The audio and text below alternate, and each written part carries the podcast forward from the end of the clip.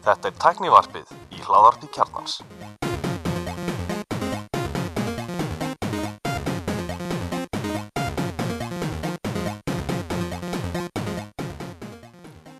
Komið sæl og verið velkomin í Teknarpið. Ég heiti Bjarni Ben. Ég er Alli Stefán. Ég heiti Axel Pól. Og ég heiti Kristján Tórs. Það eru fallið farar heill, það er allir að taka upp núna, eða ekki? Jú, Jú, Við byrjum þess að á því að uh, þáttastöðundi var ekki að taka upp. Uh, þar á undan voru trublar af því að uh, það kom kaupandi á bland og kipti sjónvarp á Axel. En erum við reddi núna? Við vorum alveg búin að tala í við erum klukkutíma. tilbúin núna sko. Kristján, er þú að elda eitthvað svo leiðis? Nei, ég er ekki að því. Ok, gott, gott. Kjúklingurinn. Hvað segir þið? Hvernig er þið? Bara ljómandi, ljómandi fínir. Já, ef við kannski bara fara beint í mál, málun, Axel. Já, er það ekki? bara, við erum búin að taka þetta pínu kalda franskar uh, Playstation 5 er komin út Hún er komin út og við tveir erum komin með hana í hendurnar. við heldur betur tókum hérna já, við tókum hérna af, hvað sem er, af kössun allir, Af pökkur af pökkun. af pökkun í vikunni á hérna Instagram síðu Teknarpsins Bjarni stóð sér frábærlega vel. Ég ætla að taka svo hands-onið eftir á en ég bara var svo upptíkinn að spila og ég var með svo ljótt sjónvarp að ég gæti ekki sínt það. já, ég, ég er eins sko, ég er í 1080p sjónvarpi og ég bara, ég kunni ekki við það að vera eitthvað að sína Ég sá sjónvarpið þetta í stóriðin og ég hristi hausinn og fældi eitt tár í já, samúð sko. Sko, og hvað gerir þú svo? Svo bara í stundabrjálega gæra þá lit ég neyslu hyggjun að taka öll völd og hérna tók Bla- Black Friday tilbúið á nýju sjónvarpi. vel gert vel gert. Sko, eftir að hafa hort á sko aðpökkuninu hefur Bjarni, þá verði ég bara að segja að þú ert svo sannlega geitinn. Já, litla vislan sem þetta, þessi afpökkun var sko. Littla veislan, sko. já, Fáðu pillur frá andravall. og, og gull á endala Uh, en þetta var Já. svolítið glæsileg afpökkun sko. Ég hérna bara geti aldrei tekið svona flott afpökkun eins og þú sko. Þú ert fagmaður. Já, það er mjög flott. Já. Já, ég er náttúrulega trúar Axel, ég held að þú getur alveg tekið hérna kannski, hérna, þú kannski afpakkar sjónvarpinu þínu, neðu ert búin að opna það, Ég er búinn að opna það sko. Það var í Æ, pakningunni ok. í svona tvær mínútur sko. tekur það hands-on, Já, þú veist eins og feiti pístasendillin sem er matafíkil sem getur alltaf skuttla pítsunni til kunnans, þú bara borrar hann að leini. Svo mikið sko. Að Quality hands- check. hands-on vídeo verður bara einhver sexy saxofón tónlist og ég að strjúka sjónvarpinu. Já, ekki, Eh, ég myndi alveg horfa á það sko. En þessi tölva kemur í tveimur útgáðum, það er diska og digital útgáða, hvort tókst þú? Ég tók digital. Já, ég gera líka. Ég var svona að hugsa mig um sko, svo, æ, þú veist, þegar ég seldi PS4 þá var ég með fullt af diskum, ég hafði ekki sett nefnir í vélina í, ég veit ekki hvað sem marga mánuði sko, þannig ég hugsaði með mér að maður þetta bara að sleppa þessu rugli. Já, Segð ég- mér eitt. Er hægt að setja hérna, PS4 diska í PS5? Já, Já, Ég veit sem bara meina það að þetta PS5 sé bara einn bóla, hann verður bara ánæða með PS4 prófuna mína. það Bara er með samt, já, Hvernig þannig að frambóðið er að henni, þá myndi ég segja að þetta væri bóla. Það er samt þannig að bilið er náttúrulega ekki alveg mikið og það hefur oft verið á milli kynslu af því að PS4 Pro er náttúrulega svona PS4.5 Þú veist, hún er brúar alveg bilið vel. Þannig að þú ert komið með 4K þú ert komið með HDR en samt sem áður þá er PS5 geggjuð. Já. og ég held svona á næstu mánuðum þegar fleiri leikir fara að koma þá verður þetta fyrir bilið að brúa svolítið meira já, sko ég hef ekki alveg náð að brúa mig alveg yfir í PS5, af því ég er hluti af, hérna, hópi fólks, uh, community sem heitir Ásgarður, sem er svona fighting game community hérna á Íslandi. Og við tókum Street Fighter 5 kvöld um daginn. Og þar sem ég kefti Street Fighter 5 á disk á sínum tíma þá verði ég að nota PlayStation 4 til að minna til þess að spila hann. Og, ú, þannig að ég hef með báðar tengdar við saman sjónvarpið og, og hérna þegar ég kvatti þennan hóp og fór að spila GTA setnum kvöldið þá skipti ég verið á PlayStation 5 Var ekki samt þarna uh, Street Fighter 5 var hann ekki þarna á PlayStation Pro þarna Plus um daginn? Jú, og ég, ég, að því ég áttan þá þú segir bara, nei, ég er ekkert að setja henni læbra hennar leik. Nei, Anskutin maður. Úi, Þurfum þannig að núna set ég alltaf allt í library, alveg sem að hversu óhugavert það er, þá set ég alltaf bara svona ef. ákvæmlega Við þurfum að starta hérna GoFundMe fyrir Bjarnar svo hann getur fengið Street Fighter 5 Champion Edition. Hann er á útsölu núna, hann er bara 16 pund þannig að við þurfum ekki marga en hlustundur hjálpið okkur. Nákvæmlega. Það er sérst onlyfans.com slash tæknivarpið og fyrir svo sem að gefur 16 pund að hann fær 10 klukktíma vídeo af mér með uh, Sexy Sax Man að strjúka sjónvarpinu Frábært. En hvaða leikir þú búin að spila, Axel? Ég er búinn að vera svolítið að flakka á milli sko. ég, ég er ekki ennþá búinn að kaupa Spiderman, það er svona er að fara að gerast hérna bara núna um helgina rekna ég með en ég er búinn að vera aðeins að spila bara PlayStation 4 leikina. Uh, Mortal Kombat 11 fekk uppfæslu í hérna PlayStation 5 þannig að hann er komið með uppfæra grafík og HDR og loading tíma og allt rastlið Já, ok. sem að klikka sko, þú veist að starta leik þá byrjar loading barinn í 75% loading barinn er svona, það tekur svona þrjár sekundar að starta leik. Klikkar, Þannig að sko, 75 er í nýja 0 basically sko Á Og- PlayStation 5, já. svo hérna er ég búinn að vera pínu húgt á hérna Bugsnax Já, sem var hérna PS Plus leikurinn kom út sem er svona eins og ef að einhver hafi verið að spila Pokémon fengið sér ógeðslega mikið gras og verið svo bara hei, ég ætla að búa til leik sem er eins og Pokémon nema enginn er að berjast og allir eru bara eitthvað að mönsa geð mikið Ok. og þessi leikur er, þú veist, hann er fín hann er ekkert frábær, en ég bara, ég get ekki hægt að spila hann. Já, Gægjað. Ég mæli með að allir sem að kaupa PlayStation 5 tjekki á Astros Playroom. Mm bara svona til þess að kynast í hvernig fjastringin virkar. Af því að það er sem sagt, eh, eða, sem sagt hún heitir DualSense núna, ekki DualShock þannig að það er komið svona nákvæmara haptic feedback heldur en var í gömlu fjastringunni og þessi leikur sýnir það bara ótrúlega vel hvernig þessi fjastring virkar hvernig hérna uh, R2 og L2 svona slast við því þegar þú ert að íta á þá. Um, blæsta fjastringunum til að setja einhverja vift í gang og, og veist, það eru hérna svona mismænti hliðar fjastringur sem að víbra eftir hvort þú ert að stíga niður með vinstri eða hægra fætti og svo framvegis sko. þannig að ég mæli með því að fólk bara, já, þegar vinir ykkur komið heimsókn að tjekka á PlayStation 5 að hendi sem leik í gang, að sína þetta Já, þetta er ógeðslega flottur leikur bara hvernig hann sýnir fjastringuna og þessi fjastring er alveg geggjuð. Já. Um, Annars er lítið úrval af PlayStation 5 svona exclusive leikjum akkurat núna. Og það er í rauninni bara svona einn svona alveg leikur, það er Demon's Souls. Já, Já Spiderman er svona hálfu leikur er það ekki, hann er frekar stutt Já, þú veist, hann er ekki PlayStation 5 exclusive, hann kemur út á PlayStation 4 líka. Já, Ég þess að með PlayStation 4 útgáfuna. Ég eftir að by- byrja honum reyndar en, en hérna ég myndi segja að Demon's Souls sé svona eini alvöru leikur sem er PlayStation 5 exclusive. Þú veist, Assassin's Creed hann er að koma út á Xbox og PC og eitthvað. Þannig að hérna, hann er alls ekki exclusive. Nei. Ég með langar í Demon's Souls en ég bara ég hef ekki spilað þessa Souls-leiki ég veit ekki hvort ég hafði þólmaði það. Og hann er ógeðslega dýr. Já, ertu að meina að þú hatar ekki sjálf nóg mikið til þess að fara í gegnum svo kvöl að deyja svona oft? Jú, jú, ég gerir það alveg sko. Bara gamall maður, ég hef takmarkaðan tíma fyrir töluleiki sko.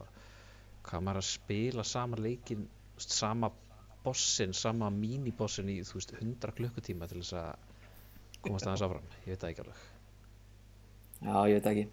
En já, mér langar samt að prófa sko, hann, hann lúkar ógislega vel og, og svona, þú veist, með það, veist, jú, jú, ég platinum að God of War og fór í gegnum hérna Muspelheim og Niflheim og það allt saman. Og það var náttúrulega svona smá smá smekkur á hvernig þessi leikir eru þannig að ætla, ætla maður myndi ekki gera þetta líka.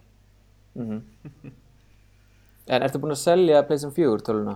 já, þrjár. Þrjár með góðum hagnaði vantilega að sæmiljum sko Ég hérna, ég prófaði PS5 Remote Play um daginn í gegnum PlayStation 4 já, hvernig var Það það? voru reynda bara hlið við hlið sko. Og ég ákvað að prófa Astros Playroom af því að það er PlayStation 5 leikur. Og hann virkaði á PlayStation 4 með PlayStation 4 fjastringu í PS5 Remote Play þannig að ég myndi algjörlega mæla með þessu ég, svo reynda slitnaði sambandi en hérna, ég var reynda farin að skipta þá yfir á hérna, PlayStation 5 tölun aftur. Svo skipti aftur á PlayStation 4 og sá bara næði disconnecta sko.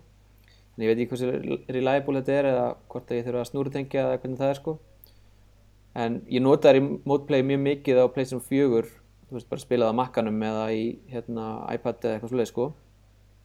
Þannig að hérna bara ef þið er að spá í þessu að hérna eru með kannski gamla PS4 Slim þú veist, auka herbyggi hendin upp þar, frekar en að selina myndi ég segja Já, algjörlega sko. Þú veist, náttúrulega líka svo sem app til á, þú veist, iPhone og Android og það er líka til fyrir Mac og Windows eða ekki. Uh, það er komið mjög takmarkað stöðningu fyrir PlayStation 5 fjárstyrningur, hann virkar ekki á iOS til dæmis. Það er bara mjög stutt síðan að PlayStation 4 fjárstyrningi fór að virka á iOS. Já, ok, er það? Já, kom í iOS 13 held ég.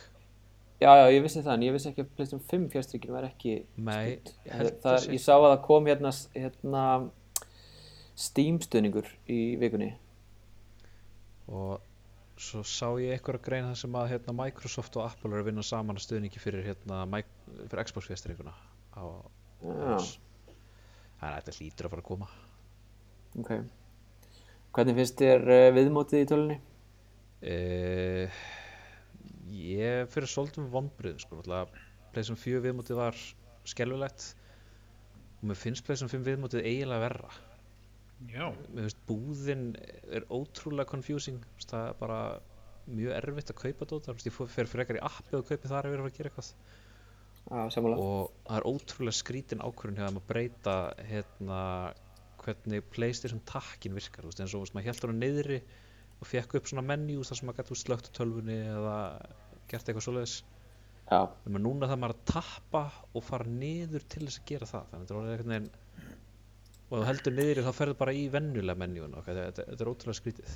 Þetta er mjög skyldið Þú getur líka double tappa og þá ferði held ég home. Okay.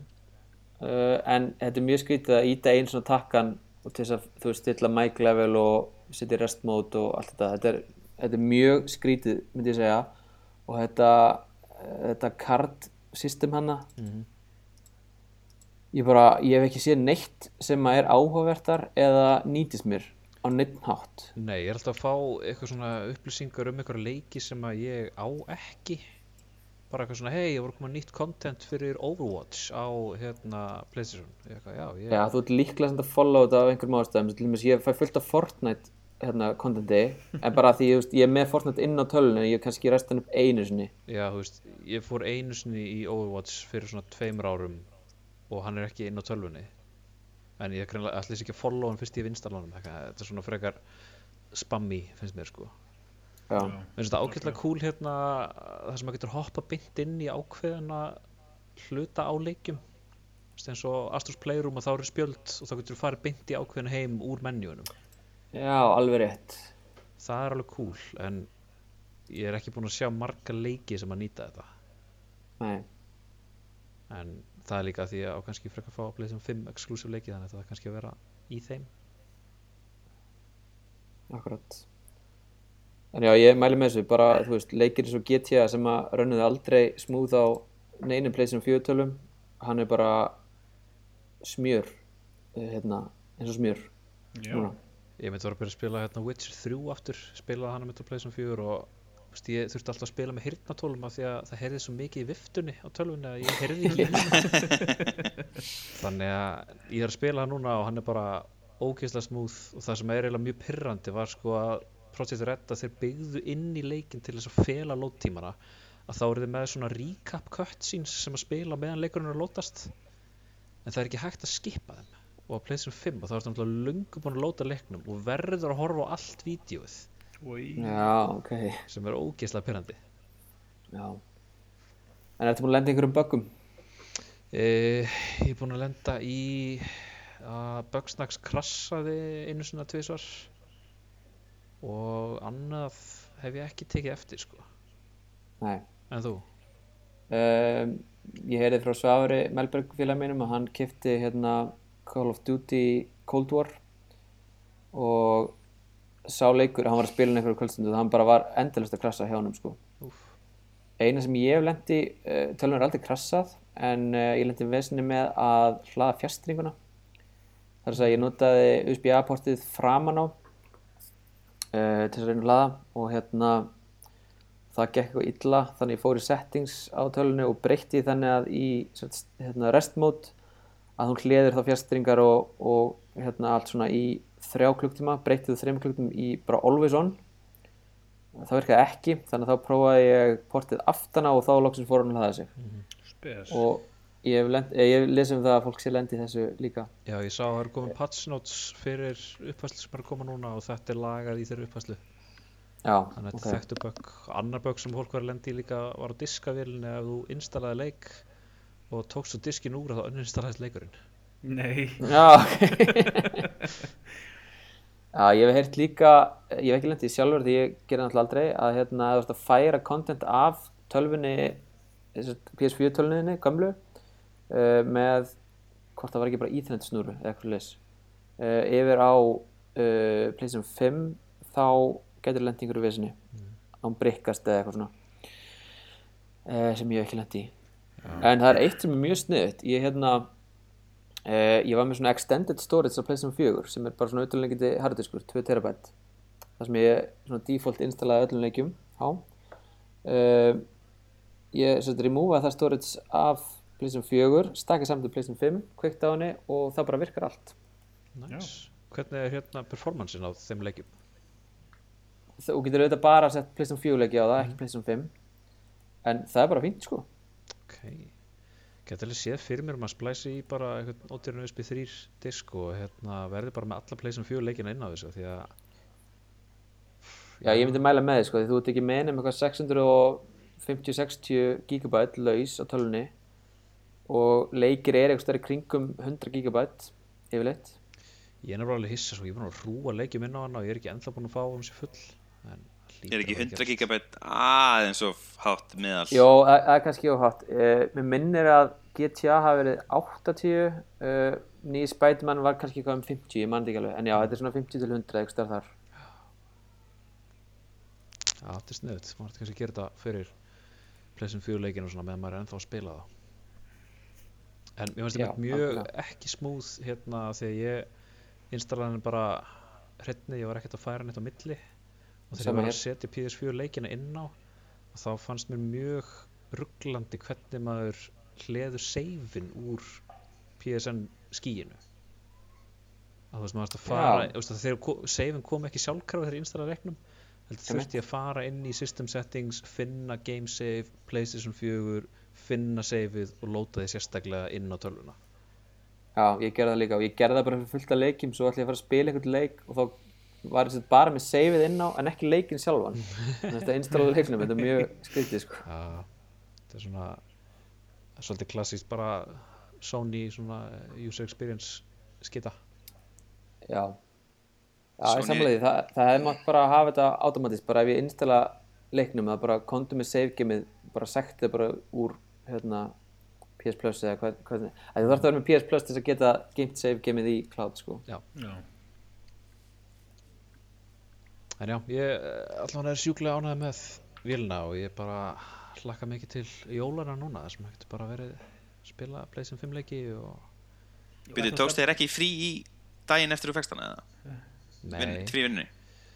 ég gerði það nú ekki sko en úff, ég hérna fann nú til með Danna bróða minnum hann hérna forpantaði töluna hjá Elko. Og hún voru að taka sér frí og svo var alltaf stefnið að Elko var að gera í brók hérna með forpantanirnar og hann myndi ekki fá tölvuna fyrir daginn eftir.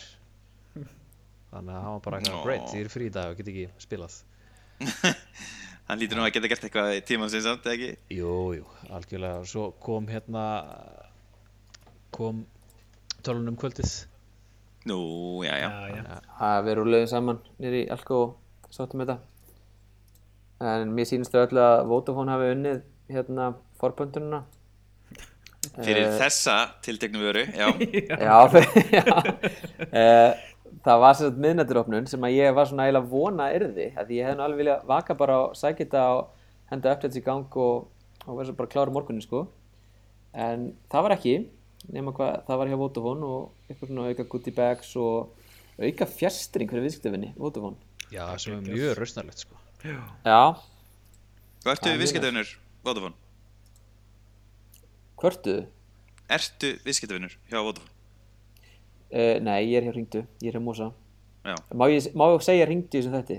Nei, þeir hafa Nei, aldrei ok. millfært af okkur fyrir ne neitt svo leis Nei, Þá hvers skipt það- sem við segjum ringdu þá stofnum við kröfu á bankan þeirra Automatic En Tölum bara um ónefnda fjarskiptafyrirtækið. Þannig að þú finnst ekki auka fjastringuna að þú sóttir Nei, þið miður Hvað er fjastringin að kosta? Uh, 13 skall held ég Já, það er bara svipað svipaður hafi verið á. Það er ótrúið Já. músi mín Ég ætla að að hvort ég geti ekki fengið uh, hérna hvað heiti headphone PS5 Pulse 3D eitthvað Já. held ég að heiti Fórstu í þig? Ég hérna var eitthvað að pæli, er eitthvað varið í þau? Er þetta eitthvað gúmilaði? sko uh, þau eru uppselt uh, er eitthvað varið í þau um, ég veit ekki. Sko Danni bróðin var nú að skoða þetta og sagði að köp, hérna, sett, hvað er það, tólin? Köps, hérna væri of lítil fyrir sinnsmekk um, þó hann hafði þetta í einn personu en þetta 3D audio á að vera mjög næs. Uh, en mér skilst að það sé staðal sem að verði bara í bóði fyrir aðra framlyndu líka en, en það er náttúrulega ekki margir konum með þetta. En þá ef, að, ef það er einhver komið með þetta. En hérna mér vantar eiginlega bara eitthvað þrálega sko. Og þetta er fínt verða þessu, 20 skall Ég var að mynda frekar svektur þegar ég var búin að koma þægilega fyrir og ætla að tengja Bose Kusi hirtintólin með Bluetooth bara og þá stiður hérna, PS5 ekki Bluetooth audio. ekki frekar en PS4 Nei, maður er nú haldið að nýju kynslunum myndi þetta koma en en það er eitt við þetta. Uh, mækin á fjastringunni er frábær. Já, ég er hefði að tala í gegnum hann núna og taka upp. Já, ok. Nei, ok, ég er ekki að því. En þú veist, ég, ég, ég gæti það Þú veist, nei, ok, mögulega ekki. En allan, ég er búin að vera að prófa hann aðeins í vikunni Og hann virkar bara að furðu vel, sko. Mér finnst þetta ógeðslega sniðut múfjaðum. Já, ég var með, sko Ég nota alltaf Bose Kusi 35 Með Kusi 25 snúru sem er með mæk á. Og hérna Ég var bara beðin um að hætta af Því að PlayStation 5 mækin var betri Á Fyndið. Eina sem að Já, bögga mig samt er að mækin er alltaf á nema þú slökkur á honum eða veljir að slökka á honum. Og ef þú slökkur á mæknum þá er alltaf gullt ljós framan á fjastýringunni Já, sem pínupyrrandi en en þú getur heldur setta í settings að þessi default off mækin þegar þú bútur hann upp. Já, en þá er ljósið samt alltaf. E, Annað, varstu búin að finna hérna shortcustin að þú heldur niðri mæktakanum að þá mjútar hljóðið í tölvunni? Já, ég veist það ekki. Þetta er ógislega næs ef að, þú veist, sérstaklega ef maður situr það með headphones og okkur að tala við mann, þá getur maður bara að mjúta hljóðið og heyrt hvað við komandi er að segja. Ekki ekki það Ég veist þetta ekki. Nei, maður er alltaf að læra sko. En hvað segi, er eitthvað hérna líklega að þetta komið eitthvað meira til landsins fyrir jól Sko, Sony var að koma með tilkynningu bara, þú veist, fyrir tímyndum eða eitthvað rétt á hann við byrjum að taka upp um að það. það ætti að koma fleiri PlayStation 5 tölfur fyrir jól. Og þeir voru að hérna, e, segja að eftirspytin eru gríðarlega og þeir ætlaðu að bæta við. E, ég heyrði í Óla Jóvels senu bara rétt ára hann fórum í loftið og hann gat ekki staðfest að það kemi fleiri tölfur hinga og hann fannst það ólíklegt en hann sagði að þeir væri að sjálfsögðu að gera sitt besta og að þau hérna væri í stöðum samskiptum við Sony og myndu náttúrulega að reyna að fá vélar en það væri frekar ólíklegt Ok, Þýðir, þýðir þetta ekki bara að fólk skiptir yfir í Xbox-vélarnar? Alltaf úrvala og frambóð sem er í gangi á þeim? hvað sér allir, ætlar þú ekki að fá þér Xbox? Ég var ekki að skoða þetta, ég var ekki svona gæla við bara að prófa hennan heim Ég hef náttúrulega aldrei átt þessar konsols, ég hef bara átt eina leikatölu og það er hérna Nintendo Switch. Uh, og hérna ég hef bara svona spá, veist, það er komið náttúrulega eitthvað svona mouse and keyboard support sem er það sem ég hef náttúrulega hel, hef helst áhuga á í þessum heimi. Og hérna fyrir utan Zelda leikinn hérna á Nintendo sem er frábær. Og uh, það er bara ekki sens að fá þess tölvu þú veist uh, Korki X nýja S það eru bara uppsildar allstaðar og allt í rugli. Og það er enginn að selja hann á Íslandi. Já, og Microsoft búið að segja að það verði sannlega skortur á þeim fram á vor. Já. Mér finnst það svolítið crazy sko en já það er spurning hvort það sé vera að framlega hana bara til þess að nákvæmlega þú veist, meet the lowest estimated demand. Þú veist, að það hefur bara svona bæði félagun hafa svolítið spilað að safe eða hvort að þetta sé bara áhrifin af COVID? Akkurat. spurning sko. Mér var annars hugsað til þín allir þegar þú talar um þetta mouse and keyboard support af því að ég tengdi PlayStation 5 töluna við skjáin hjá mér sem er bara á skrippborinu inn í stofu. Mhm.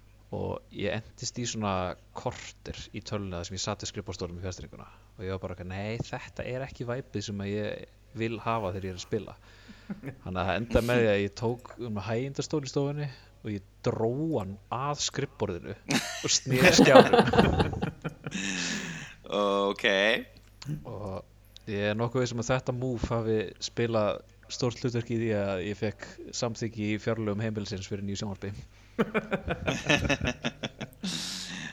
Já, ok. Mér finnst þú skrítið að það er selt þetta setna sjónvarp. Hefði ekki verið betra að að halda auka sjónvarpi þannig að, að hérna, Kolbrún geti horta á inn í Söfnbergi Nei, hún er svolítið eins og ægir, henni er alveg sama á hverju hún horfir þetta, þú veist, hún bara horfir á þetta í lappanum eða whatever sko. Mm Þú veist, ég hef oft gripið henni að horfa eitthvað á Plex og hún er með hérna, eitthvað transkóting í gangi í einhverjum kartöflu gæðum og ég bara akkur ekki að horfa á þetta í hátti hún bara, á, ég þú það- getur í. Hún er kannski aðalega líka bara að hlusta sko, eins og ægir með sína þætti sko, hann er taka fjóra hringin sinn á öllu hérna, Drag Race stótinu RuPaul's Drag Race veist, og hann er basically bara að hlusta sko. hann hefur séð allt Já, ég veit ekki, ég hérna, en sem sagt, svo er náttúrulega eins og þú bentir á, þetta er ekki svona margir leikir sem steyði þetta. Ég sá reyndar að nýjustu Cold War leikurinn, hann steyður þetta og, og hérna, sagt, aðrir Call of Duty leikir gera það. Það er samt svolítið svakalt að sjá að eins og exclusive leikirnir eins og Halo stuður þetta ekki Já, það var svo að skrítið. sem er, en það áhengt En að koma þeir- eitthvað patch fyrir þá en það er samt var eitthvað svona tvísýnt, ég var eitthvað hans að skoða Já, en til dæmis með það, eru þeir heiluleikinir, já, betur, þeir eru nýkomnir á PC, þeir hafa aldrei verið á PC. Já, Komdu eru, upp á Steam eða ekki Jú, og það var eitthvað svona Master Chief Select, hérna, eitthvað, remaster, eitthvað. Þannig að ég skil nú að þann, þannig leikur sér ekki með mouse and keyboard support, en til dæmis Doom og Doom Eternal sem eru mouse and keyboard leikir döðans, en eru líka búinir til fyrir konsól, þeir eru ekki með, með þennan stöðning. Jep. Það meikar ekkert sens. ég líka, ég eh, rambaði eitthvað reddit frá það sem við vorum að tala um þetta, það voru að segja að það væri oft það væri mjög mismunandi milli framleganda hvers gott mouse and keyboard support er í sumum leikjum að þá getur þú spila allan leikin með mouse and keyboard ekkert mál og leður fyrir menjúin að þá verður að vera með fjastýringu Já Já, ok. Ég verið ekki státu nokkuð sinnum á PS sem er bara svona, what? Ég er ekki náttúrulega svo festringu, hvernig, hvernig á ég að gera þetta? Ok, spes. Control alt delete.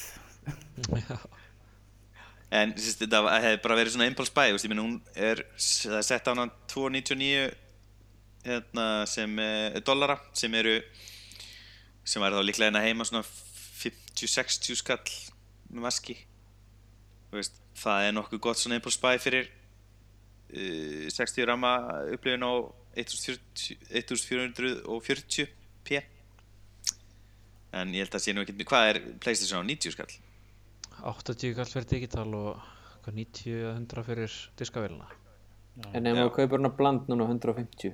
já, Er það í alveg já það er bland verið? á Facebook eh, hópunum er hann að fara á svona 150-160 Já, ég sá að það var ein hérna til sögðu lögðan uppbóð þess að byrjunar verð var, var hérna 100 skall og 5 skall hækkun hvert bóð og hún var konum upp í 160. Jesus Christ. Já, ég er ekki mikið fyrir svona skálping sko, minnst það ekki cool. Nei, þetta er svo ótrúlega leiðinlegt sko. Já, En það, það verður alltaf með það er eftirspytt sko það er ykkur ruggldallar sem eru tilbúin að borga 150 skall til að fá hana strax sko það var all, alltaf að meðan það er skortur minnur. bara þeir Já. sem eru með craving eða spila Bugsnack Já, getur þetta að spila hann á, á PS4 sko, en hérna, fær ekki hérna, DualSense stemninguna sko. Finnst ykkur það svona geggja, þetta DualSense, þannig að þetta uh, víbrið og hérna resistanceið? Sko, maður myndir náttúrulega alltaf slökka því í einhver svona competitive leikjum eins og Fighter eða einhver svo leið sko uh, en þetta er mjög næs þú veist uh, ég veit að Cold War styrir þetta til dæmis. Eða að spila hann bara casual þá er þetta mjög næs sko. Mm. Og líka bara fjastringin sjálf, hún er bara svo næs að halda henni. Bara með að við gömlu sko. Sammála því sko. En við finnst þetta mjög næs, þetta er svona, þegar hún búin að vera að lesa um þetta og það var alltaf að tala um þetta svona dreifum mann meira inn í leikin, ég var ekki alveg að kaupa það og það gerir það samt, þú veist það er eins og í, bara eins og hérna Astros Playroom sýnir þetta mjög vel að þegar þú lappar á mismöndi undirlægi þá er mismöndi víbringur í skrefunum. Þannig að Ah, þú ert á þetta er þá er svona aðeins harðara og viður þá er aðeins mýkra og snjór þá er þetta bara svona eins og snjór. Og Það er svolítið cool. það er alveg töff sko þú veist, og á mómentum þar sem að það er eitthvað brjála mikið að gerast þá dregst maður alveg meira inn í leikin sko. Mm Já. Ekki Þá bara er maður spenntur að geta spilað PlayStation 5 2022 eða eða hvað líka. Kaupir hana blandkonginum við liðina þér, stórhalduri. Já, þegar PS, Nákvæmlega. PS5 Pro kemur út. PS5 Pro, já, það kemur ekki PS5 Slim og svo PS5 Pro. Já nákvæmlega ég er samt svolítið spenntur að sjá hvort að það fari ekki að koma eitthvað markaði fyrir hérna uh, custom hliðum á pleysintölunni ég var alveg svo að fólk er fara að spreyja það bara sjálft? Já ég sá það sko en ég myndi ekki vera að spreyja þetta sko. Nei, þetta er svona Nei, en sko ég myndi ekkert vilja breyta um hlið, þetta er bara geggjað svona hvít Já, þú veist, hún er alveg að vinna á mig sko, en hérna bara til að halda frið á heimilinu sko, þá var ég alveg til í að hafa hana aðeins meira low profile sko. hvað hva, hva ertu að segir tala um? að- Ertu að tala um camouflage?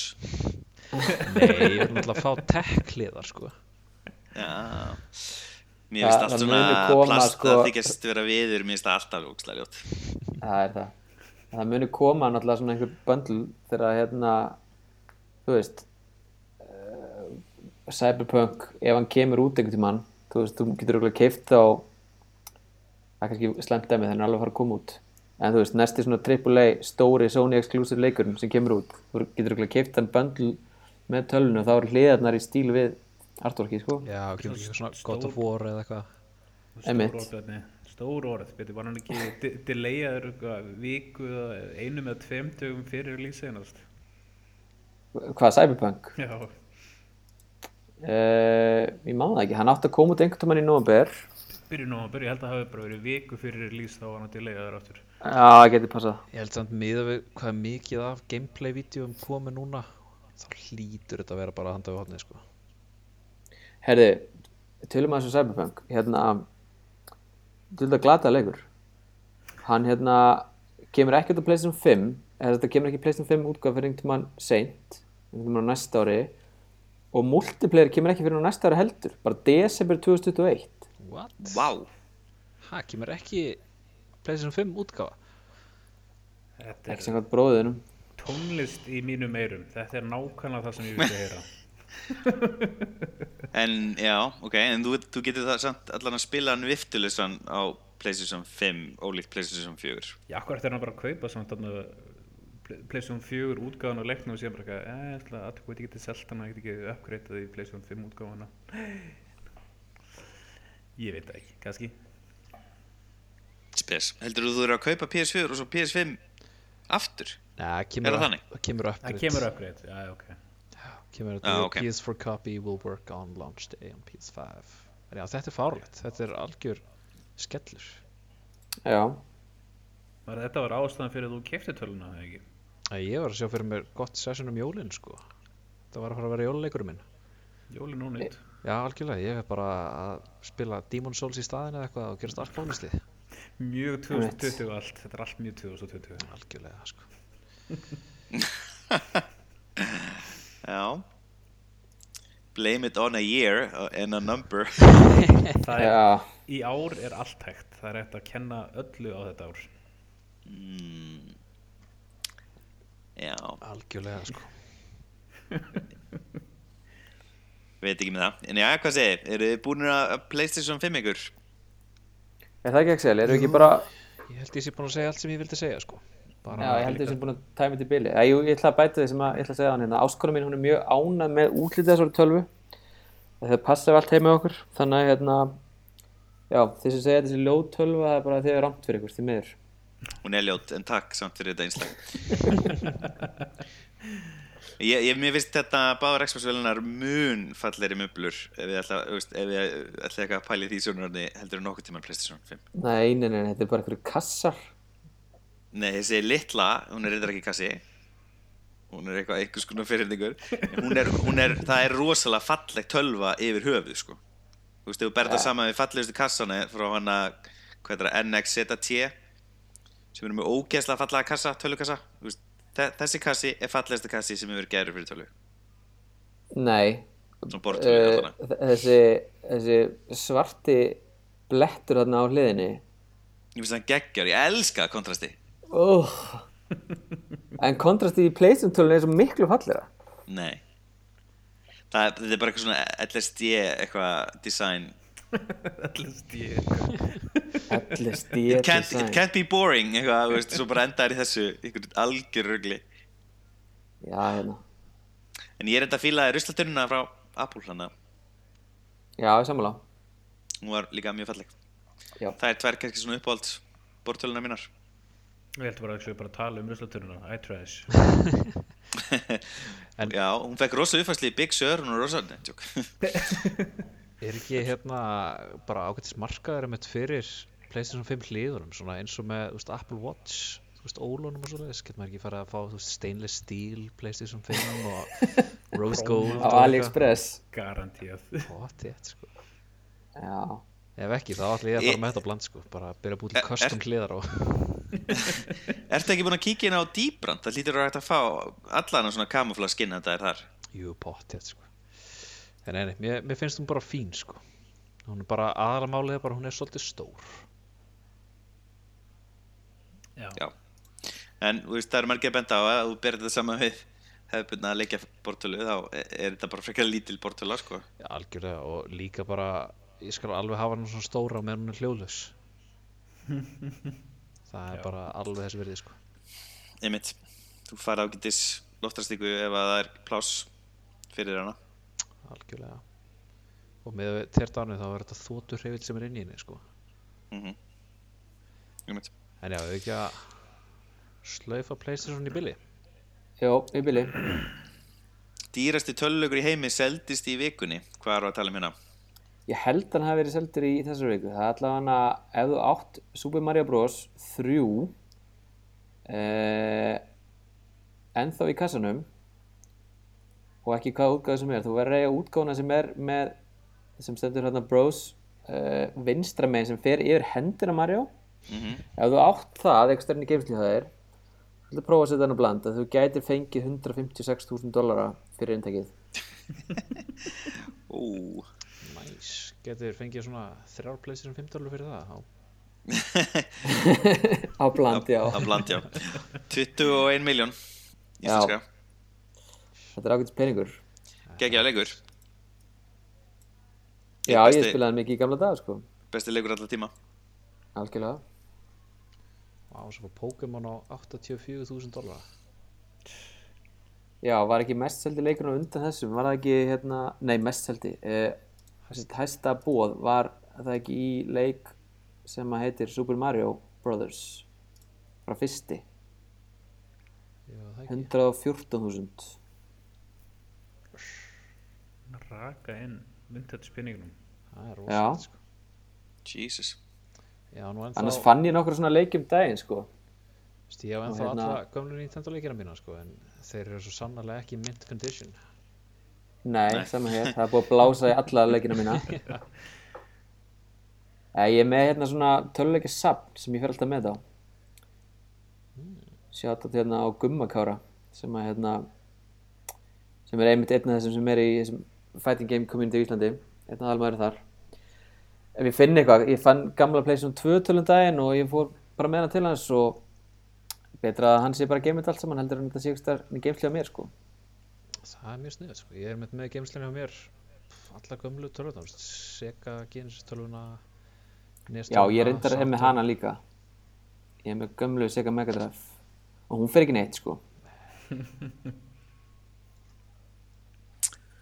Já, samkvæmt Metacritic uh, þá er Super Mario Bros. 3 ekki besti leikur alltaf tíma vegna þess að hann er einfallega held ég ekki inni því að hann er svolítið fyrir tíma Metacritic Þetta er að segja okay. ekki að skanna inn gömul tímaritt af Nintendo Gamer og eitthvað frá Nei, mér sýnist ekki. En uh, besti leikur alltaf tíma samkvæmt hérna, Metacritic er hins vegar. Nintendo leikur Líkiska. Zelda. Uh, það er Zelda-leikur og það er Ocarina of Time en ekki Breath of the Wild. Breath of the. Wild er 13. besti leikurinn. Og svo er Tony Hawk's Pro Skater 2 í öðru seti Já, Í alvörinni Já, Það er þetta er frábær leikur. Hann er þetta deilir þessu sæti með þremur öðrum leikjum sem er allir með 98, 100 einhvern það er þessi Grand Theft Auto hérna, Fimm. Fjögur. Er, er þetta ekki fjögur? Þetta er fjögur Soul Calibur sem ég bara hef, ég veit ekki sem hvað er. Slagsmálaleikur. Dream Ah, og svo uh, aftur Grand Theft Auto 4 uh, á Xbox, hinn var á Playstation. Er þetta, sem sagt- er þetta all eintekki sem Gulli er búin að kaupa af Grand Já, Theft Auto sem einmitt. bara röngu þarna mismunandi? Já. Maður er eigan á öllum, öllum plattformum sko. Ég á hann bara á iOS eða veist, granna Grand Theft Auto leikina en ég held ég ég nú ekki þennan. Ég held að sé ég held að 5 væri bestur. Fimm er bestur sko Fimm og er það er að koma með þess að update núna að 15. DS fyrir hann. Nú, nú, multiplayer, loksins. Nei, nei, hann er online sko búin að vera í einhver ár en það er að koma nýtt hæst já. Er komin hérna PS5 uppvæsla fyrir hann? Nei, hún kemur uh, Q2 2021 uh, en hann virkar sem Playstation 4 útgáðan virkar á Playstation 5 mjög vel. Uh, en það verður uppfærð útgáfa fyrir Playstation 5 2021 og þangað til færðu miljón GTA dólara á mánuði. Já, eða þú ert að spila hann. Ég verð að segja það hvað ég er ánað með það að við sem svona sprinkla PlayStation 5 umræðin í gegnum þáttinn Já, bara, þetta er, þú veist, þetta er nýja Apple sko. Það er rétt, við erum velkomin í eh, PlayStation 5 spjallið. En nákvæmlega. Sony er svo mikið ekki inn í Apple sko, ef við svona ætlum aðeins að kíkja á, staðarendir og uppgjör Sony undanferna ára. Sony er bara að geta sko, þegar bara, það er allar tölur niður og ennum að Playstation. Og svo Já. Sony líka, Sony Pictures. How's that going for you? Já, er búið að opna bíóin? Nei. Já, einmitt ekki góði tímar, sérst, hérna, Sony er sérst að selja mesta af myndavælum hérna, og sala á myndavælum hins vegar er að helmingast milli eitthvað tveggja ára eða eitthvað Er þetta að tala um myndavélar eða myndavélar parta sem eru seldar í snjálfsíma? Mm, sko, salin á myndalega börnum gengur ágætlega en hvað haldið þið að ein, mynd, ein linsa í iPhone kosti? 57 dólar já. Uh, En ég sérst að tala um enna mirrorless myndaðalar uh, Sony kom í eftir seti þar og er að selja mjög flotta myndaðalar næsa A7, Já, Alfa serían er geggið hún er geggið og hérna Bestu lólat myndavélar sem farið Já, já, og líka hérna bestu í vídeo því þær eru ekki með recording limit flestar. E, bæði sérst, A6 línan og 7 línan. Já, það gengur ekki vel á Sony og hérna, Það gengur En mjög vel PlayStation megin en ekki hinum örmunum. Já, einmitt. Já, það er ekki Eh, búin að, ertu búin að skoða hérna verða hlutabröðum allir í Sony? Nei, það eru að þjó, þjóta upp út af Playstation eða? Já, sko, þeir eru ekki að þjótu upp en þeir eru leiðin upp samt, sko. Ef þú skoðar bara, já, bara sex ah, ok, þetta er, hérna hlutabröðum markarinn er svolítið á easy mode núna ekki ennum COVID, sko, hann hrundi allt í mars og svo er alltaf leiðin upp, sko. Mm en allan, ég veit ekki hvort það sé út af PS5 demand eða hvernig það er en þetta er allan eitthvað að lagast það. Já, já, flott. Allt að gerast. Uh, Já, já, hvað segir, er þið búin að finna ykkur skemmtileg tilbúð fyrir Black Friday, svartan föstudag. Fössari, svartur fössari. Axel Se, Við segjum er, ekki þetta orð hér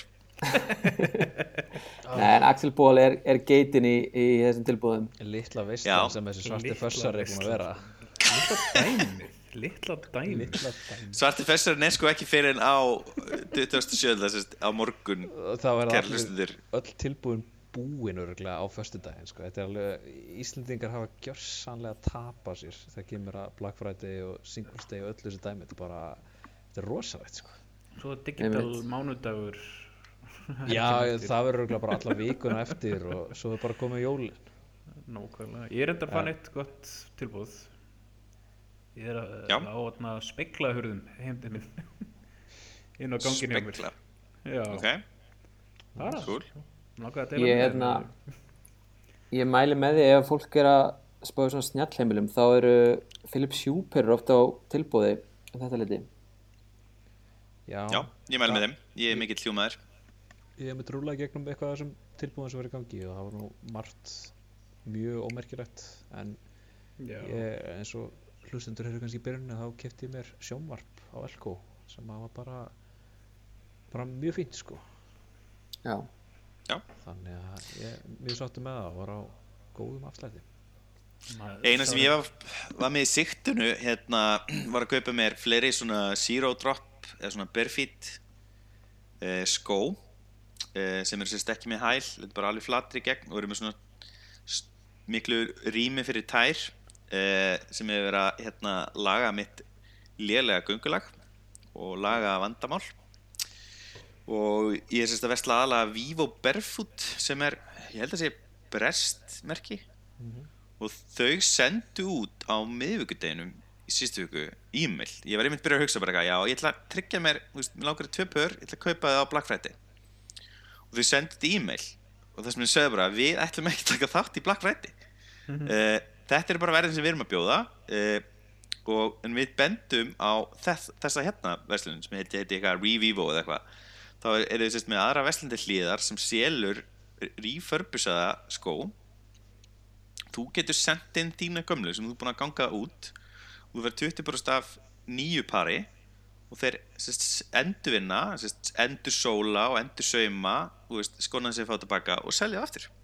Já, mjög snöð já, ég er bara mjög Já. impressed en le leiður að hafa ekki fengið tilbúð Já, ég get alveg trú að þetta verði eitthvað trend svona hjá svona, svona þengjandi fyrirtækjum svo IKEA hefur verið að gera þetta líka undir farin ár sko. Svipað. Já, og Apple náttúrulega er búið, að gera það í mörg ár. Endurvinnur síma og selur aftur Já, ég er alveg að tala um svona að taka ekki þátt í Black Friday. Að sem sagt um, ég, ég man ekki hvernig það, það var einhver herferð hjá þeim um daginn sem var í Skandinavíu sem var þannig að hérna uh, þe- þeir sett upp eitthvað svona blandsíði þar sem þú gæst selt gömlu húsgögnin þín og einhver annar gætt kiftu já, cool. Á Black Friday, það var, það var ég man ekki alveg hvernig það var en það var eitthvað eins og leys Já, já. Skemmtlegt uh, Já, svo er ég ekki búin að vera með neitt, neitt í siktinu þannig séð? Náttúrulega, mitt kreditkort er hérna logandi eftir sterkan mánuði á Apple. Já, býtum hvað kiftir áttur Ég kefti þetta, ég hérna mjög fyndi, ég kefti ódýrri síma heldur en ég átti. Ég, ég fór úr 11 Pro með 256 GB plassi og ég held að listaveru honum er ennþá 200, 180 eða 200 kall eitthvað og ég fór í 140 skona iPhone 12 mini. Hvernig það fíla hann? Eh, bara mjög vel, ég fór hans yfir það í þetta mæli með að hlusta það, Bjarni. Og hérna, en ég náði að, ég þess að ég tvír hlóðan í fyrra dag Já, ok. Þannig að það er rosa, er rosa, já, það er rosa munur á batteríinu og hérna, einhver megin, veist, ég var aldrei vandræði með þetta 11 Pro, veist, ég gætt spila leiki á, veist, upp í sofa á sunnudöfum og svona og bara veist, engar ágjör sko, en núna er rauninni er eiginlega komin á þann stað ef ég vil kannski taka klukkutími í Hearthstone þá er ég, er ég að fara að horfa fram á það hlaðan klukkan 5 sko Æ, æ, En þetta er bara, veist, ég það er ekkert vandamál fyrir mig að komast að hleðslu, þetta verður kannski bara leiðilegt fyrir eitthvað ferðalag og svona, en kemur bara í ljós, veist, ég fíla stærðina og ég elska að þetta sé jafn öflugur sími og dýrasti símin frá Apple og jafn góðu skjár, nema bara minni. Já. En já, ég, eh, hvað segi, Google Photos, uh, hérna, ekki lengur ókjöfis.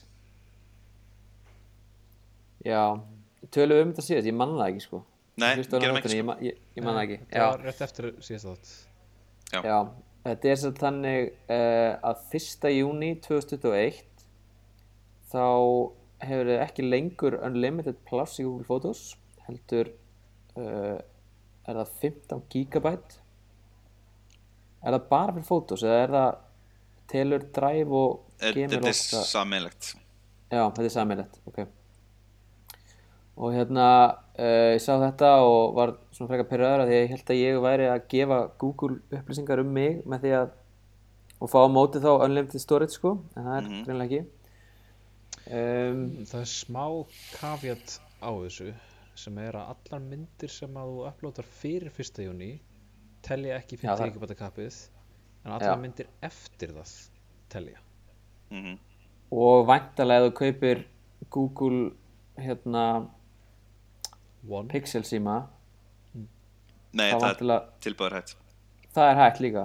Já, mun hætta Eða, Ég veit ekki hvort það hætti 1. júni en núna strax en það er mun hætta Já, ok. Já, ég veit ekki, sérst, hérna margir svona, ég held þó að þetta sé náttúrulega frekar aðstæðanlegt að hafa verið hana með, með þetta tilbúð, það sé allt í einu að fara að hætta. Fólki fyrst, það er náttúrulega mjög neikvæð upplöfin, það eru margir sem benda það að fyrst Apple er að gera svona og að reyna að monetæsa þetta og því, nei fyrst að Google seg er að reyna að monetæsa þetta, þá þýðir að Google vilja halda þessari vöru frekar heldur en senda hana í kirkjugarðin sem er nokkuð stór. Sem Google Photos náttúrulega, ég er mjög ánægð með Google Photos. Ég, reyndar, þú veist, ég fíla Apple Photos betur en ég bara tek svo mikið myndum á, á Android síma þegar ég er að testa að hérna, ég nota Photos til, að syngja þetta sama staðinn.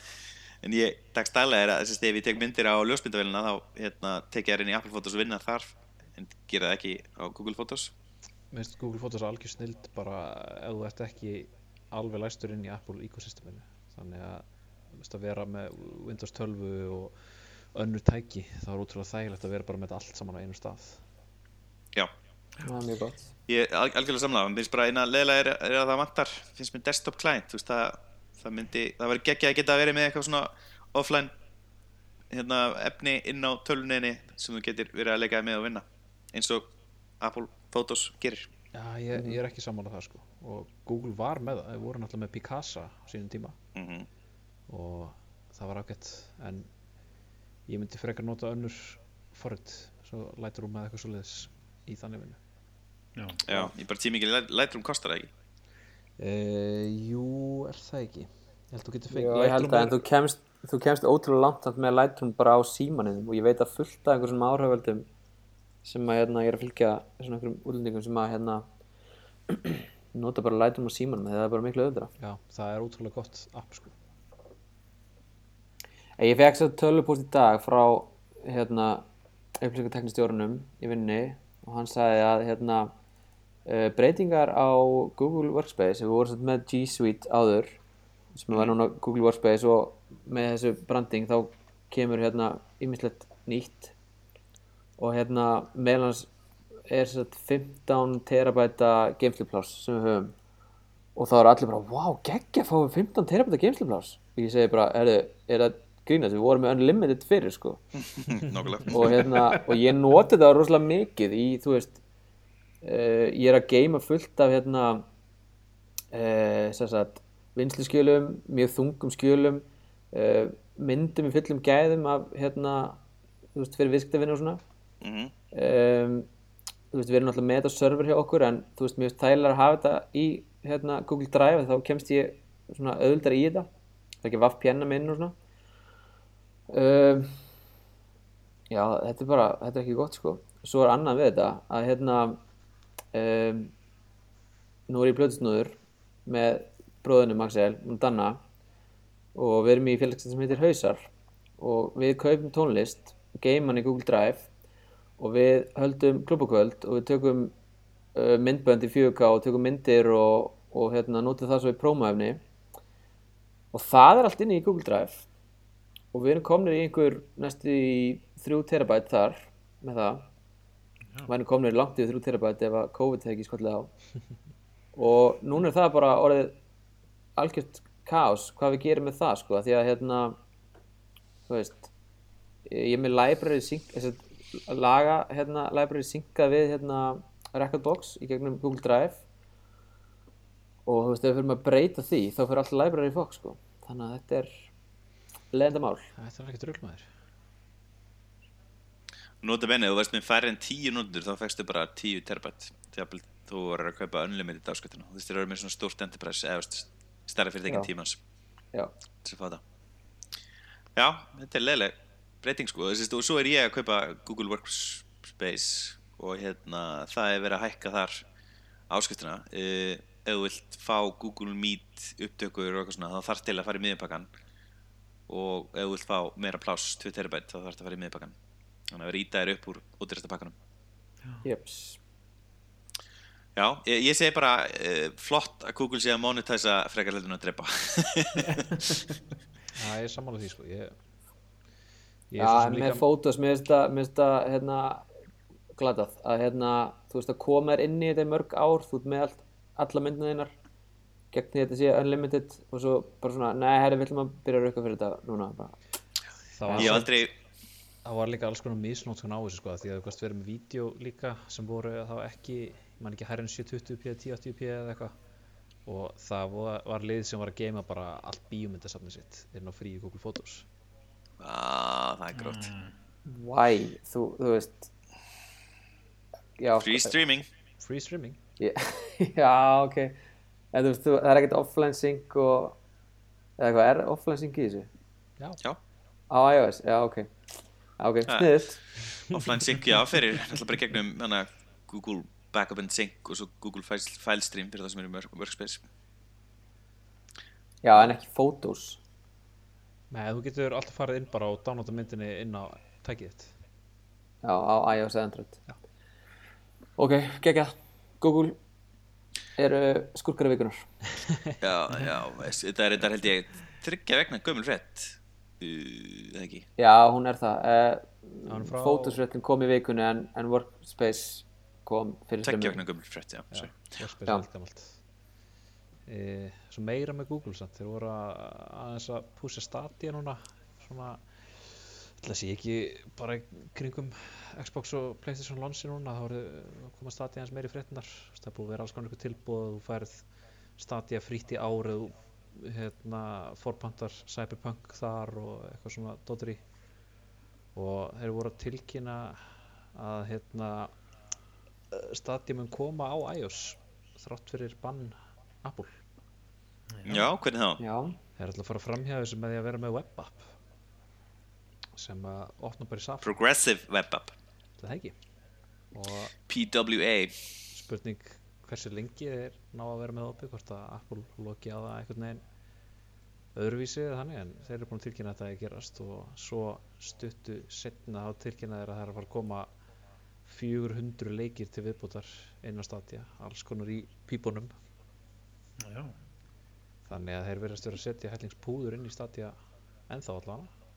Það er mjög spendi mjög skemmtilegt sko hann við erum búin að aðeins fylgjast með hann hérna er tveir í hóttum, Sverrir og Elmar eru að spila á í gegnum VPN og Sverrir er nú að tala þokkala vel af þessu inn á slakkinu hjá okkur. Já, hann, hann, hann, hann hefur samt átt svona ups and downs. Já, já, við fengum bara svona dagbók hjá hann bara í dag spilaði Stadia í klukktíma og það slitnaði þrísvar eitthvað, svo kemur daginn eftir spilaði þrjá klukktíma aðeins að það væri neitt vesinn og svo var hann bara nokkuð jákvæður hann undir restina sko. Já, og hann er líka hann er mjög kröfuharður sko þannig að ég, ég treyst alveg honum fyrir að koma með gott mat á þessu sko. Já, Samanlá þannig að já, það er gaman ef við fyndum fá Stadia hingað en það gerist líklegast aldrei. Ég væri til í að prófa það en, en þannig að ég einhvern veginn ég eiginlega eina sem ég spila núna fyrir þannig Hearthstone er veist, FPS leikir og helst multiplayer og ég held að það sé ekki góður stað til að vera þar og stadja með það. Nei, ég held að þetta sé geggjað fyrir hérna eitthvað single player leiki og svoleiðis en já, svona casual gamers. Já, casual gamers. Þú veist, þú myndir ekki spila overcooked í multiplayer á þessu, það væri ræðilegt Ná, einmitt. Ah, Já, trú því Einmitt. En þetta Hvað er þá segirðu? rauninni þriðja plattformi sem er svona skiptið maður, fjórða, sem sagt Nintendo, Playstation og Xbox, svona, já, og kannski, nei, þetta er þá fymta, því að Steam er náttúrulega sitt eigi plattform. Já, hvað með hana Amazon plattformið? og Epic plattformið og Já, EA Games og er Epic orðið plattform, er það ekki bara, þú veist, eitthvað svona útvatna Steam alternative? Jú, í raun og veru. Það er, er, ekki sensið þeir eru bara hvað svona, já, leikja library þetta er mjög töff að þeir eru alltaf að gefa leiki reglulega þannig að maður er alltaf svona eitthvað, eitthvað djús í það með frítt núna. En þetta er þetta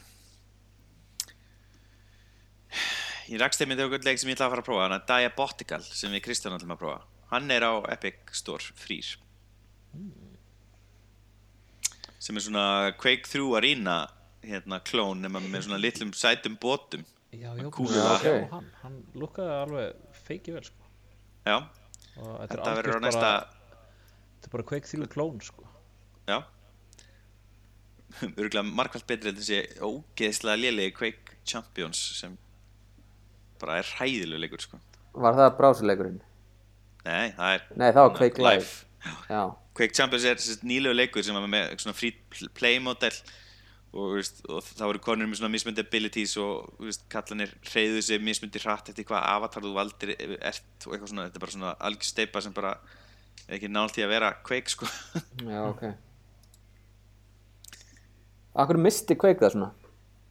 er það ekki bara fókusin hjá John Carmack, þú veist, þegar hann fer í annað? Hann fór, þetta í, hann í VR pælingar sem virðist ekki gengið vel ég ætli bara, veist, það er ekki bara brotnað upp úr teiminu, veist, allir orðnir ógstlega ríkir og nenni sig lengur og vilja bara kera Ferrari og, veist, hitta rúsneskar konur sem er mjög hávaksnar og grannar eitthvað, Var ekki eitthvað slæmt á milli hans og hann að, hvað heit aftur síðari maðurinn sem að, sem spýnaði borðin, hann að George Romero Romero. já, einmitt. veit ekki, George, Romero fór mjög snemma út úr eitt software, hann fór og gerði hann að, er það ekki hans gerði Deus Ex með öðru félagi. Hann alveg fyrir frekar stemma sko. Það er náttúrulega eiginlega enginn eftir held ég í þessu teimi annars sem gerði Quake, ég held að það bara verið komið þú veist, já, þess að segja, ég held að það er bara allir orðin rókslega ríkir og bara fannir eitthvað annað sko. En var það ekki Carmack sem gerði þarna Raids leikina? uh, It Software gerði allan að Rage og Rage 2 Já, minni mig. Ég veit ekki hvort að einhver að þeim hefði verið producer á því ég að það nú bara ágætis leikur. Mér, bara hann kom svolítið skakt ofan í út af Borderlands sem var svo rosalega svipaður. Já, báður eitthvað svona post-apocalyptic dystopian uh, Já, hérna. Mad Max legir leikir. Carmack was the lead programmer of the ID computer games Commander Keen, Wolfenstein 3D, Doom, Quake, Rage and their sequels. Já, Já, ég skil ekki, ég bara, ég næði ekki af hverju að hérna Quake misti svona dampin, sko. Þetta var alltaf geitin í FPS shooter, sko. Benni. hann var nú alveg í, hann, hann kom nú samt í relaunchinu á Doom 2016 já það Já. er bara Bethesda sem gerir þann leik. Já, hann er kreddaði þar. Alveg, já, er það ekki bara út af því að þú veist, hann að engineið undir er Jú, frá honum? Hann er former technical director, former engine programmer og former developer. Er samt kreditaður fyrir þetta. Já, þú veist, ok. þetta eru eitthvað svona langi samningar út af vélinni sko, sem er undir. Já, já, It Tech heitir þetta núna ekki? Minnir mig. Já, þessi Doom-leikin náttúrulega alveg frábærir bæði, bæði rebootið og Eternal. Já bara Eh, nýja, nýja serían. Já, ótrúlega vel hefnist. En náttúrulega, þú veist, eh, hérna held að Carmack sé fræða fyrir það að hann segir það sem hann sagði um töluleiki einhvern mann töluleikir er eins og klám þeir þurfi ekki þú veist, góða sögu, þetta er bara, þetta er bara gameplayð, þú veist, hann talaði rosa mikið um þess að 30 sekundur sem þurfa bara að vera rosalega er svona þrjár sekundur sem 30 sekundur sem gefa rosa mikið, hérna, hvað er það, reward í, hau- í haustum á þessum spilar. Og þú er bara finna þá lúpu og bara fr- framkvæmla hana út um allt, þú veist og já, hérna, þeim hefur það bara verið að drepa demons og eitthvað svona gegn þérna Já, ok. Eh, og það sem gerist er að markarinn er ekki sammála veist, og markarinn fer og veist, nýjustu leikinu núna er allir mókapar í drast bara með einhverja eilist leikara sem ljá rattir sínar og veist, hérna, Last of Us og allt þetta, þetta eru bara bíómyndir sem þú ert eitthvað svona að progressa áfram með því í okkur að taka Já. og svo blandast þetta 30, þessi 30 sekundan lúpa einhver starf en hér og þar sko. Og svo fær maður að klifra rosalega mikið. Já, það er í Uncharted. Já. En ég er mitt sko, ég hef eiginlega ekki verið mikið, ég er svolítið sammála Karmak og ég er náttúrulega mikill kveikmaður, veist að ég fíla þessar 30 sekundur og ég, sagan er alveg frekar mikil aukatrið fyrir mig nema það kemur einhver svona ákvörnuleikjum eins og Baldur's Gate eh, 1 og 2 hérna eru náttúrulega miklu upp á þetta mér og þá út af sögunni því það er vel skrifað og stór og flottur heimur.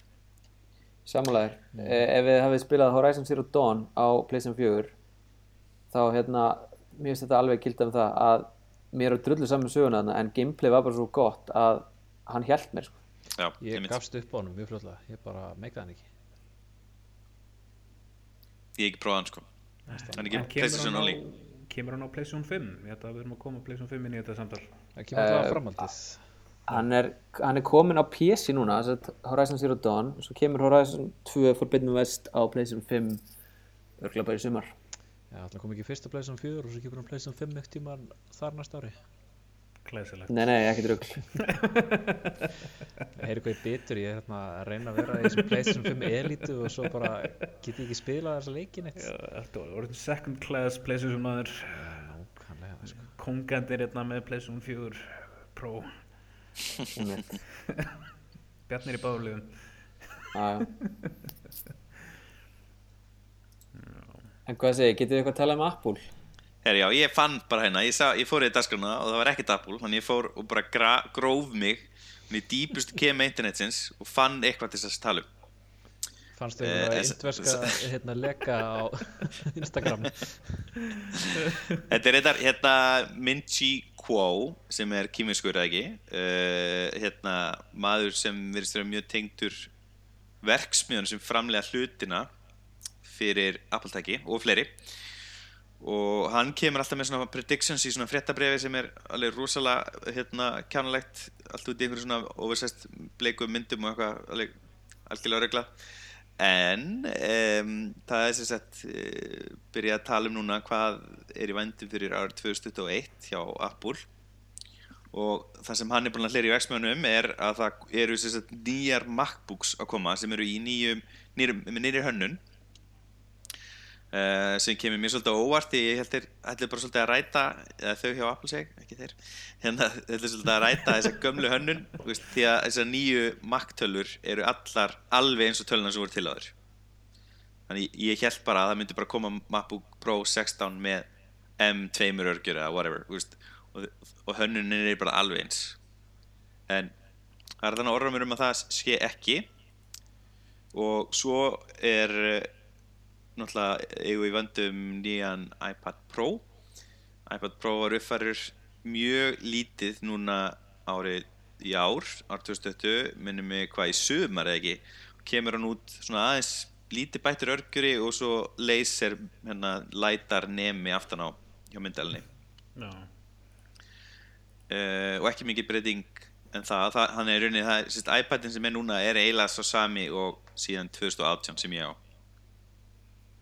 fekk reyndar þetta nýja líklaborð þetta fljótandi Magic Keyboard sem er reyndar mjög impressive. Og svona kemur já, sá iPad á að sérst að fá mini LED og líklega A14X og 5G modem ef þú vilt fá það. Uh, ég held að þetta sé bara no-brainer uh, og gaman að sjá mini LED loksins fæðast hjá Apple, þetta er búið að vera lengi bíkjað svo er verið að tala um nýjan iPad hérna, sagt basic iPadin ódýri iPadin, sem er þá nýjönda kynnslóðin hann á að koma hana í ársverki 2 uh, sem sagt, hvað það, mæ júni nei, hérna april, mæ, júni svo er við, veist, það er byrjað að leika og ég held við höfum fjallað um, að- um það áður með Airpods heyrnantólin uh, það eiga að koma ný á sama tíma þannig að ársfökkju 2 og það er einhverju leikar svona, ég held að þetta sé nú giskleikar einhverju svona myndi byrjar að koma og þá lítur, lítar sérst Airpods venjulegu út eins og eins og hérna Airpods Pro nema þau eru ekki með silikon tappanum en eru samt með þetta body. Kuðungurinn sjálfur er sérst í stíl við AirPods Pro og hérna stilkurinn á að styttast verulega og svo er orðumur um nýtt Apple úr sem uh, á að vera með nýri hönnun sem gerir líf mitt mjög erfitt þess að dana því að uh, stainless steel úrin voru að lenda hjá Nova með LTE sambandi og það geti kannski bara verið sniðvægt að sleppa Series 6 og bara fara í Series 7 uh, ég er samt einhvern veginn held að það sé samt ekki sko minnst hæpið að Apple sé að fara að uppfara útlitið mjög mikið ég held að þið vilja halda Watch bara svona freka síkildu Ég En- hef haldið það. Já, en ef þið berið saman Apple Watch núna við restina af línunni, þú veist, nú er iPadin komin í þetta kassalúk og iPhone-unir meikar það ekki sens að setja úrið í það útlit líka Þá hliðarnar á úrinu mennur. já, Já, ég veit ekki. maður Jú, mögulega, gera það það. Gæti verið sko, ég fíla samt þetta lukkið eins og það núna sko. Já ég, ég, ég samanlega sko. Uh, en, þú veist og flatar úr, samt gæti samt alveg verið, verið svolítið töff líka, ég meina og kassjúr Já. er svo svona kössuð. Ég alltaf að fíla þau. Sigurð, þú Já. eitt, eitt útið krassandi í þessum mögulega leika lista sem hún komst með að það er ekkert nýtt sjónarp fyrir hann gulla. Ekkert Apple TV Nei, ekkert Apple TV skrítið komið tíma á, á slíkt. Segjum Ég bara skil- ég fólk bara skil sem er að ekki, pæla ja. í þessum Apple TVs, bara kaupið Apple TV, hérna 4K HDR núna og hætti að pæla í þessu í alvörinni. já, samanlega eins og það er aldrei að fara að gerast. mjög pyrrandi hérna, nú þegar ég er komin í 4K HDR Master Raceið á nýju sjónvarpinu að það fannst mér alveg frekar pyrrandi að YouTube appið er nýkomið með 4K en það er ekki með HDR stunning þannig ég þarf að nota LG Webboss appið ef ég vil fá HDR-vídeó á YouTube HDR hjá YouTube var bara yfir höfuð að detta inn sko. Já, en ég get, ef að LG er búið að implementa það en ekki Apple, maður, þetta er ég held ég bara að fara að setja setja þetta drasla bland, sko. Þetta er bara nextlinn í ár verð ég að segja. Ég býð spenntur líka eftir að fá rúappið með hérna 4K HDR, sko. Finnst þér þetta HDR aðeinslegt í söpuninu? Nýja, ég, ég, veist, ég er ekki að fíla þetta á mínu sko Ég, Ég skil ekki HDR ég er bara að nota það í svona tímyndur, sko. Er HDR á the frame, allir? Já, en það er HDR eitthvað 400 sem er eitthvað svona, veist, aðeins eldra. Ah, ok. Sko, það er geggjað í PSM það, Þetta virkar rosalega vel í töluleikjum eh, Ég veit ekki alveg með bíómyndur og svoleiðis, ég horfði á eins og hérna trailerinn fyrir James Bond myndina. Starfur hann í 60 römmum og HDR og þú veist, ég var eiginlega bara sjóveikur að ég horfa á þetta uh, Já, S- Samsung The Frame upp á sjónfæðans Axel sem hann keft sér ekki uh, er með HDR 10 Plus stunning og hérna var og með þess að eldra sjónfæð sem hérna 2017 línan, hún var líka með HDR Þannig að The Frame er, er búið að vera með HDR þrjú ár en er það með HDMI 2.1? Nei, Það vil ekki sjá þetta hvað græði maður á HDMI 2.1 Axel? 120, 120 riða Hz. Já, það er þetta. Það er það mjög cool Já. Og ert þú búinn að spila leik sem er í 120 riðum? Eh, ég held að Mortal Kombat sé það ég bara fekk sjónarpið svo sent og svo sem vinnandi maður gæti maður ekki verið vakandi langt fram eftir ekki það líka að þetta sjónarpið er svo bjart í HDR-inu að maður blindast á því að spila á kvöldin sko. Ég mynd Ég er nefnilega ásvöld erfitt með það að þess að byrtu sem fylgir þetta HDR ég meina, lögðu þú búin að brenna ákveðina tögar í augunum þá er þetta ekkert mál Já. Einmitt Já e, Spennandi ár hjá Apple mm, Ég, það sem ég hryggir mig mest í þessari upptalningu það er ekki minnst á nýjan iMac já, Viltu fá með M1 eða 2 Nei, eða ég, X? ég myndi hvað vil gerir það? ég myndi vil fá sem sagt, minn draumur er að, að komi iMac sem er í 30 tómu stærð uh, með svona M1X eða M2X svona, og, og þú getur uppfært í eitthvað svona juicy skjákort þannig að ég sé bara að fá hérna, 4K 60 frames gaming sko. Ég veit, draumurar en en sérst, nýjustu benchmarkarnir af þessari, þessum M1 nörgjura í tölulegjum eru bara frábærir. Það, er, þú ert að fá svona e, á mjög mörgum leikjum kannski ekki alveg nýjustu nýtt ert að fá 60 rama í 1080 og þetta eru entry level örgjurar með innbyggðum skjákortum sem það er bara nokkuð gott. Það Eh, er rosalegt sko. þannig að var, ég er bara mjög spenntur að sjá hvað sem sagt, þessir þetta upper range eh, eða hvað maður segja, kannski mid range. Því að iMac er svo sem mid range tæki kannski. iMac Pro high end. Það verður gaman að sjá hvað ég gera með örgjörluna e, þar eða þau Er það spáðið sem fyrir tölvuleiki þá eða? mér sýnist bara að það vera að það sé bara mjög stutt í það að uh, Apple sé bara komið aftur í, eða komið í gaming veist, já, komið aftur í gaming, veist, það var mjög vinsalt back in days En, en þú veist, er maður þá ekki mest að horfa á Steam upp á það, þú veist, hvaða leikið þú ert að kaupa og svona? Eða þeim text að koma sinni í App Store sitt Mac App Store Já, sem ég er reyndar, þú veist, efast um að takist, það hafa verið einhverju leiki sem hafa verið að seljast þar. Knights of the Old Republic alltaf hann að seljastir mér mig. Já, já. Þetta er á 2 dólar einu milli. Já. Já, það eru mjög fári ég, ég, samt sko, með að við hérna, vídjón sem ég sé, það sem fólk er að benchmarka töluleiki á MacBook Air tölvu með 8 GB vinsluminni sem er að keira 60 ramma í 1080 á einhverju tveggjara gömlum FPS-leik e, þá er alveg fólk sem hefur ákváð þessu og þetta er frá að koma ég meina það eru nokkri aðlega sem eru búin að gefa út leiki sem eru búið að endurkóða eða sérst, aðlega fyrir hérna, Apple Silicon, hvað var aftur, það var ekki stór leikur Sjáttu að þú Tomb Raider. uh, já og hérna hann var þetta síndur á Rosetta hann að kynningunni, ég er ekki viss hvort það sé búið að porta almennilega. Já, hann var Rosetta. reyndar. já, hann var Rosetta uh, ég held að það hafi verið Minecraft sem bara, port, sem bara tilbúin með næstu bara day one Hann er að segja að þetta snýst náttúrulega bara um veist, ef það er í rauninni power til að spila leikina þá kemur hit. Er svo ekki aðalega bara spurning hvort þú getur spila Minecraft með ray tracing á og eh, kveiknar ekki í vélniðinni þá ertu búin að ná þessu benchmarki.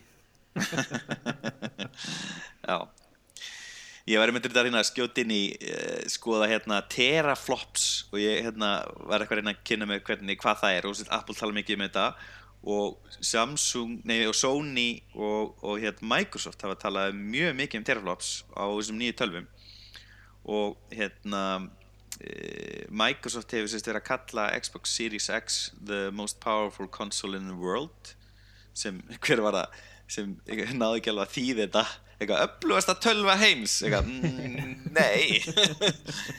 Þa, það er það ekki. En sérst, en það, já, Xbox Series X er 12 teraflops og mér minnir að Playstation 5 sé eitthvað 10, komma eitthvað.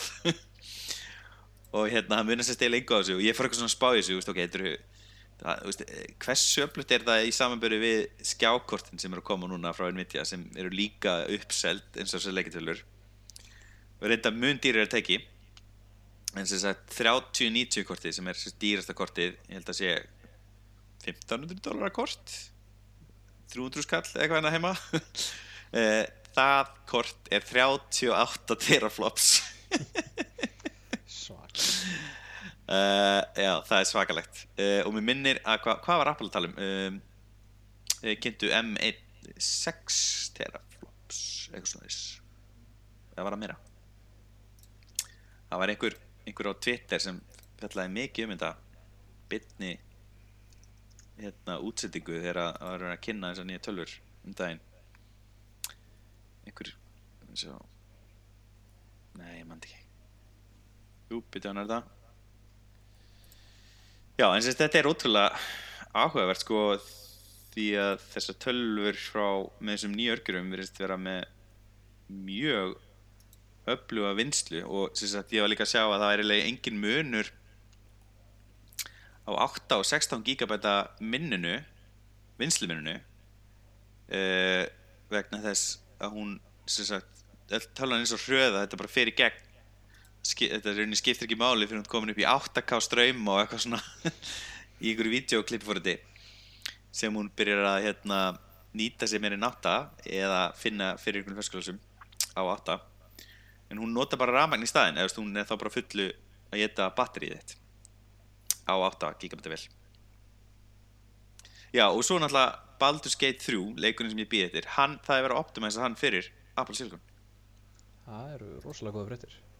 Mm Þannig að, ég meina, ef ég slepp með að kaupa mér, þú veist, eitthvað 400 skona iMac með geggjum 30 tumur skjá sem getur spilað töluleiki, þá er ég bara all for it, sko. Og ef Baldur's Gate kemur út, þá er ég bara góður í bili. svona tvö ár. það er svona 100 tíma gameplay í honum, sko. Komin í early access núna og það er mjög freistandi þetta í hann. Já, ég, sest, ég las bref frá hana stúdíónu og Larian Studios og hérna þar segja þau bara ef þú hefur áhuga á að upplifa söguna ekki koma í Early Access Mhm. Þú veist, Early Access er bara fyrir þá sem vilja prófa gameplayið og, og leika sér veist, ekki skemma fyrir þér þú veist, söguna og upplifuna. Þetta er bara beta í rauninni. En það var samt geggjað hérna þeir voru uh, settu svona update um daginn þar sem voru að sína sko hvaða gögnum þeir eru að sapna í þessu. Og þú veist, eitt af þeir voru með heatmap af byrjunar sóninu þar sem að voru að mappa hvar fólk er að deyja. Og þeir komið staðið það var bara eitt staður þar sem að ógeðslega margir voru að deyja. Og developmentin voru bara eitthvað ha, þú átti ekki að geta dáið þarna af hverju er fólk að deyja þarna? Og komið staðið að það var bara fullt af nondur sem voru bara að gera eitthvað rugl sem að þeir hefði ekkert ætlast til þess að þeir myndi gera.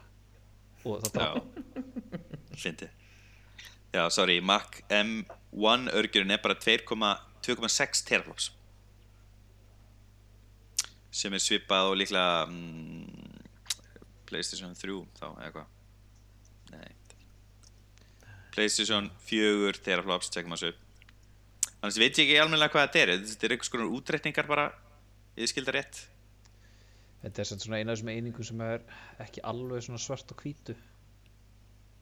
Að þú veist þetta er bara eitthvað svona raw power í einhverjum ákveðnum aðstæðum. En þú veist eins og það er búið að tala um þetta rosa mikið í kringum eins og PlayStation 5 og Xbox.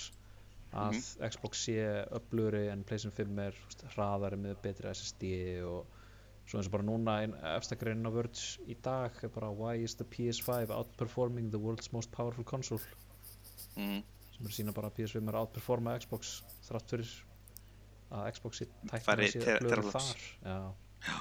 Að- PS4 er, var 1,84 teraflops þannig að MacBook Air uh, sem kostar 1000 dólar hún er öflunum það sko eins og ég segi, ég, ég skil ekki alveg þessa einingu en hún virkar svona svolítið á mig eins og að veist, Xbox sé með 12 cm tippi á meðan PlayStation 5 er með 10 Já, einmitt. Both are gonna penetrate you. Basically og kannski er PlayStation 5 er betri move en Xbox sem er the girth, ég veit það ekki. Mér finnst svo margir svona, mér finnst svo margir tala um hérna, sem sagt uh, upplýna fjastringunni já, fjastringin er alveg að gera þetta og svo munu koma náttúrulega þegar fleiri exclusive leiki koma að þá tekur PlayStation 5 hressilega fram úr. Já, það er exclusive leikinir þetta þeim já, Ok, jæja, þetta er nú spendið hérna, tímar fyrir tölvuleikjaunundir og, og ekkert betra heldur en uh, COVID-vetur til þess að spila, taka upp tölvuleikina og spila þá. Já, Nákvæmlega.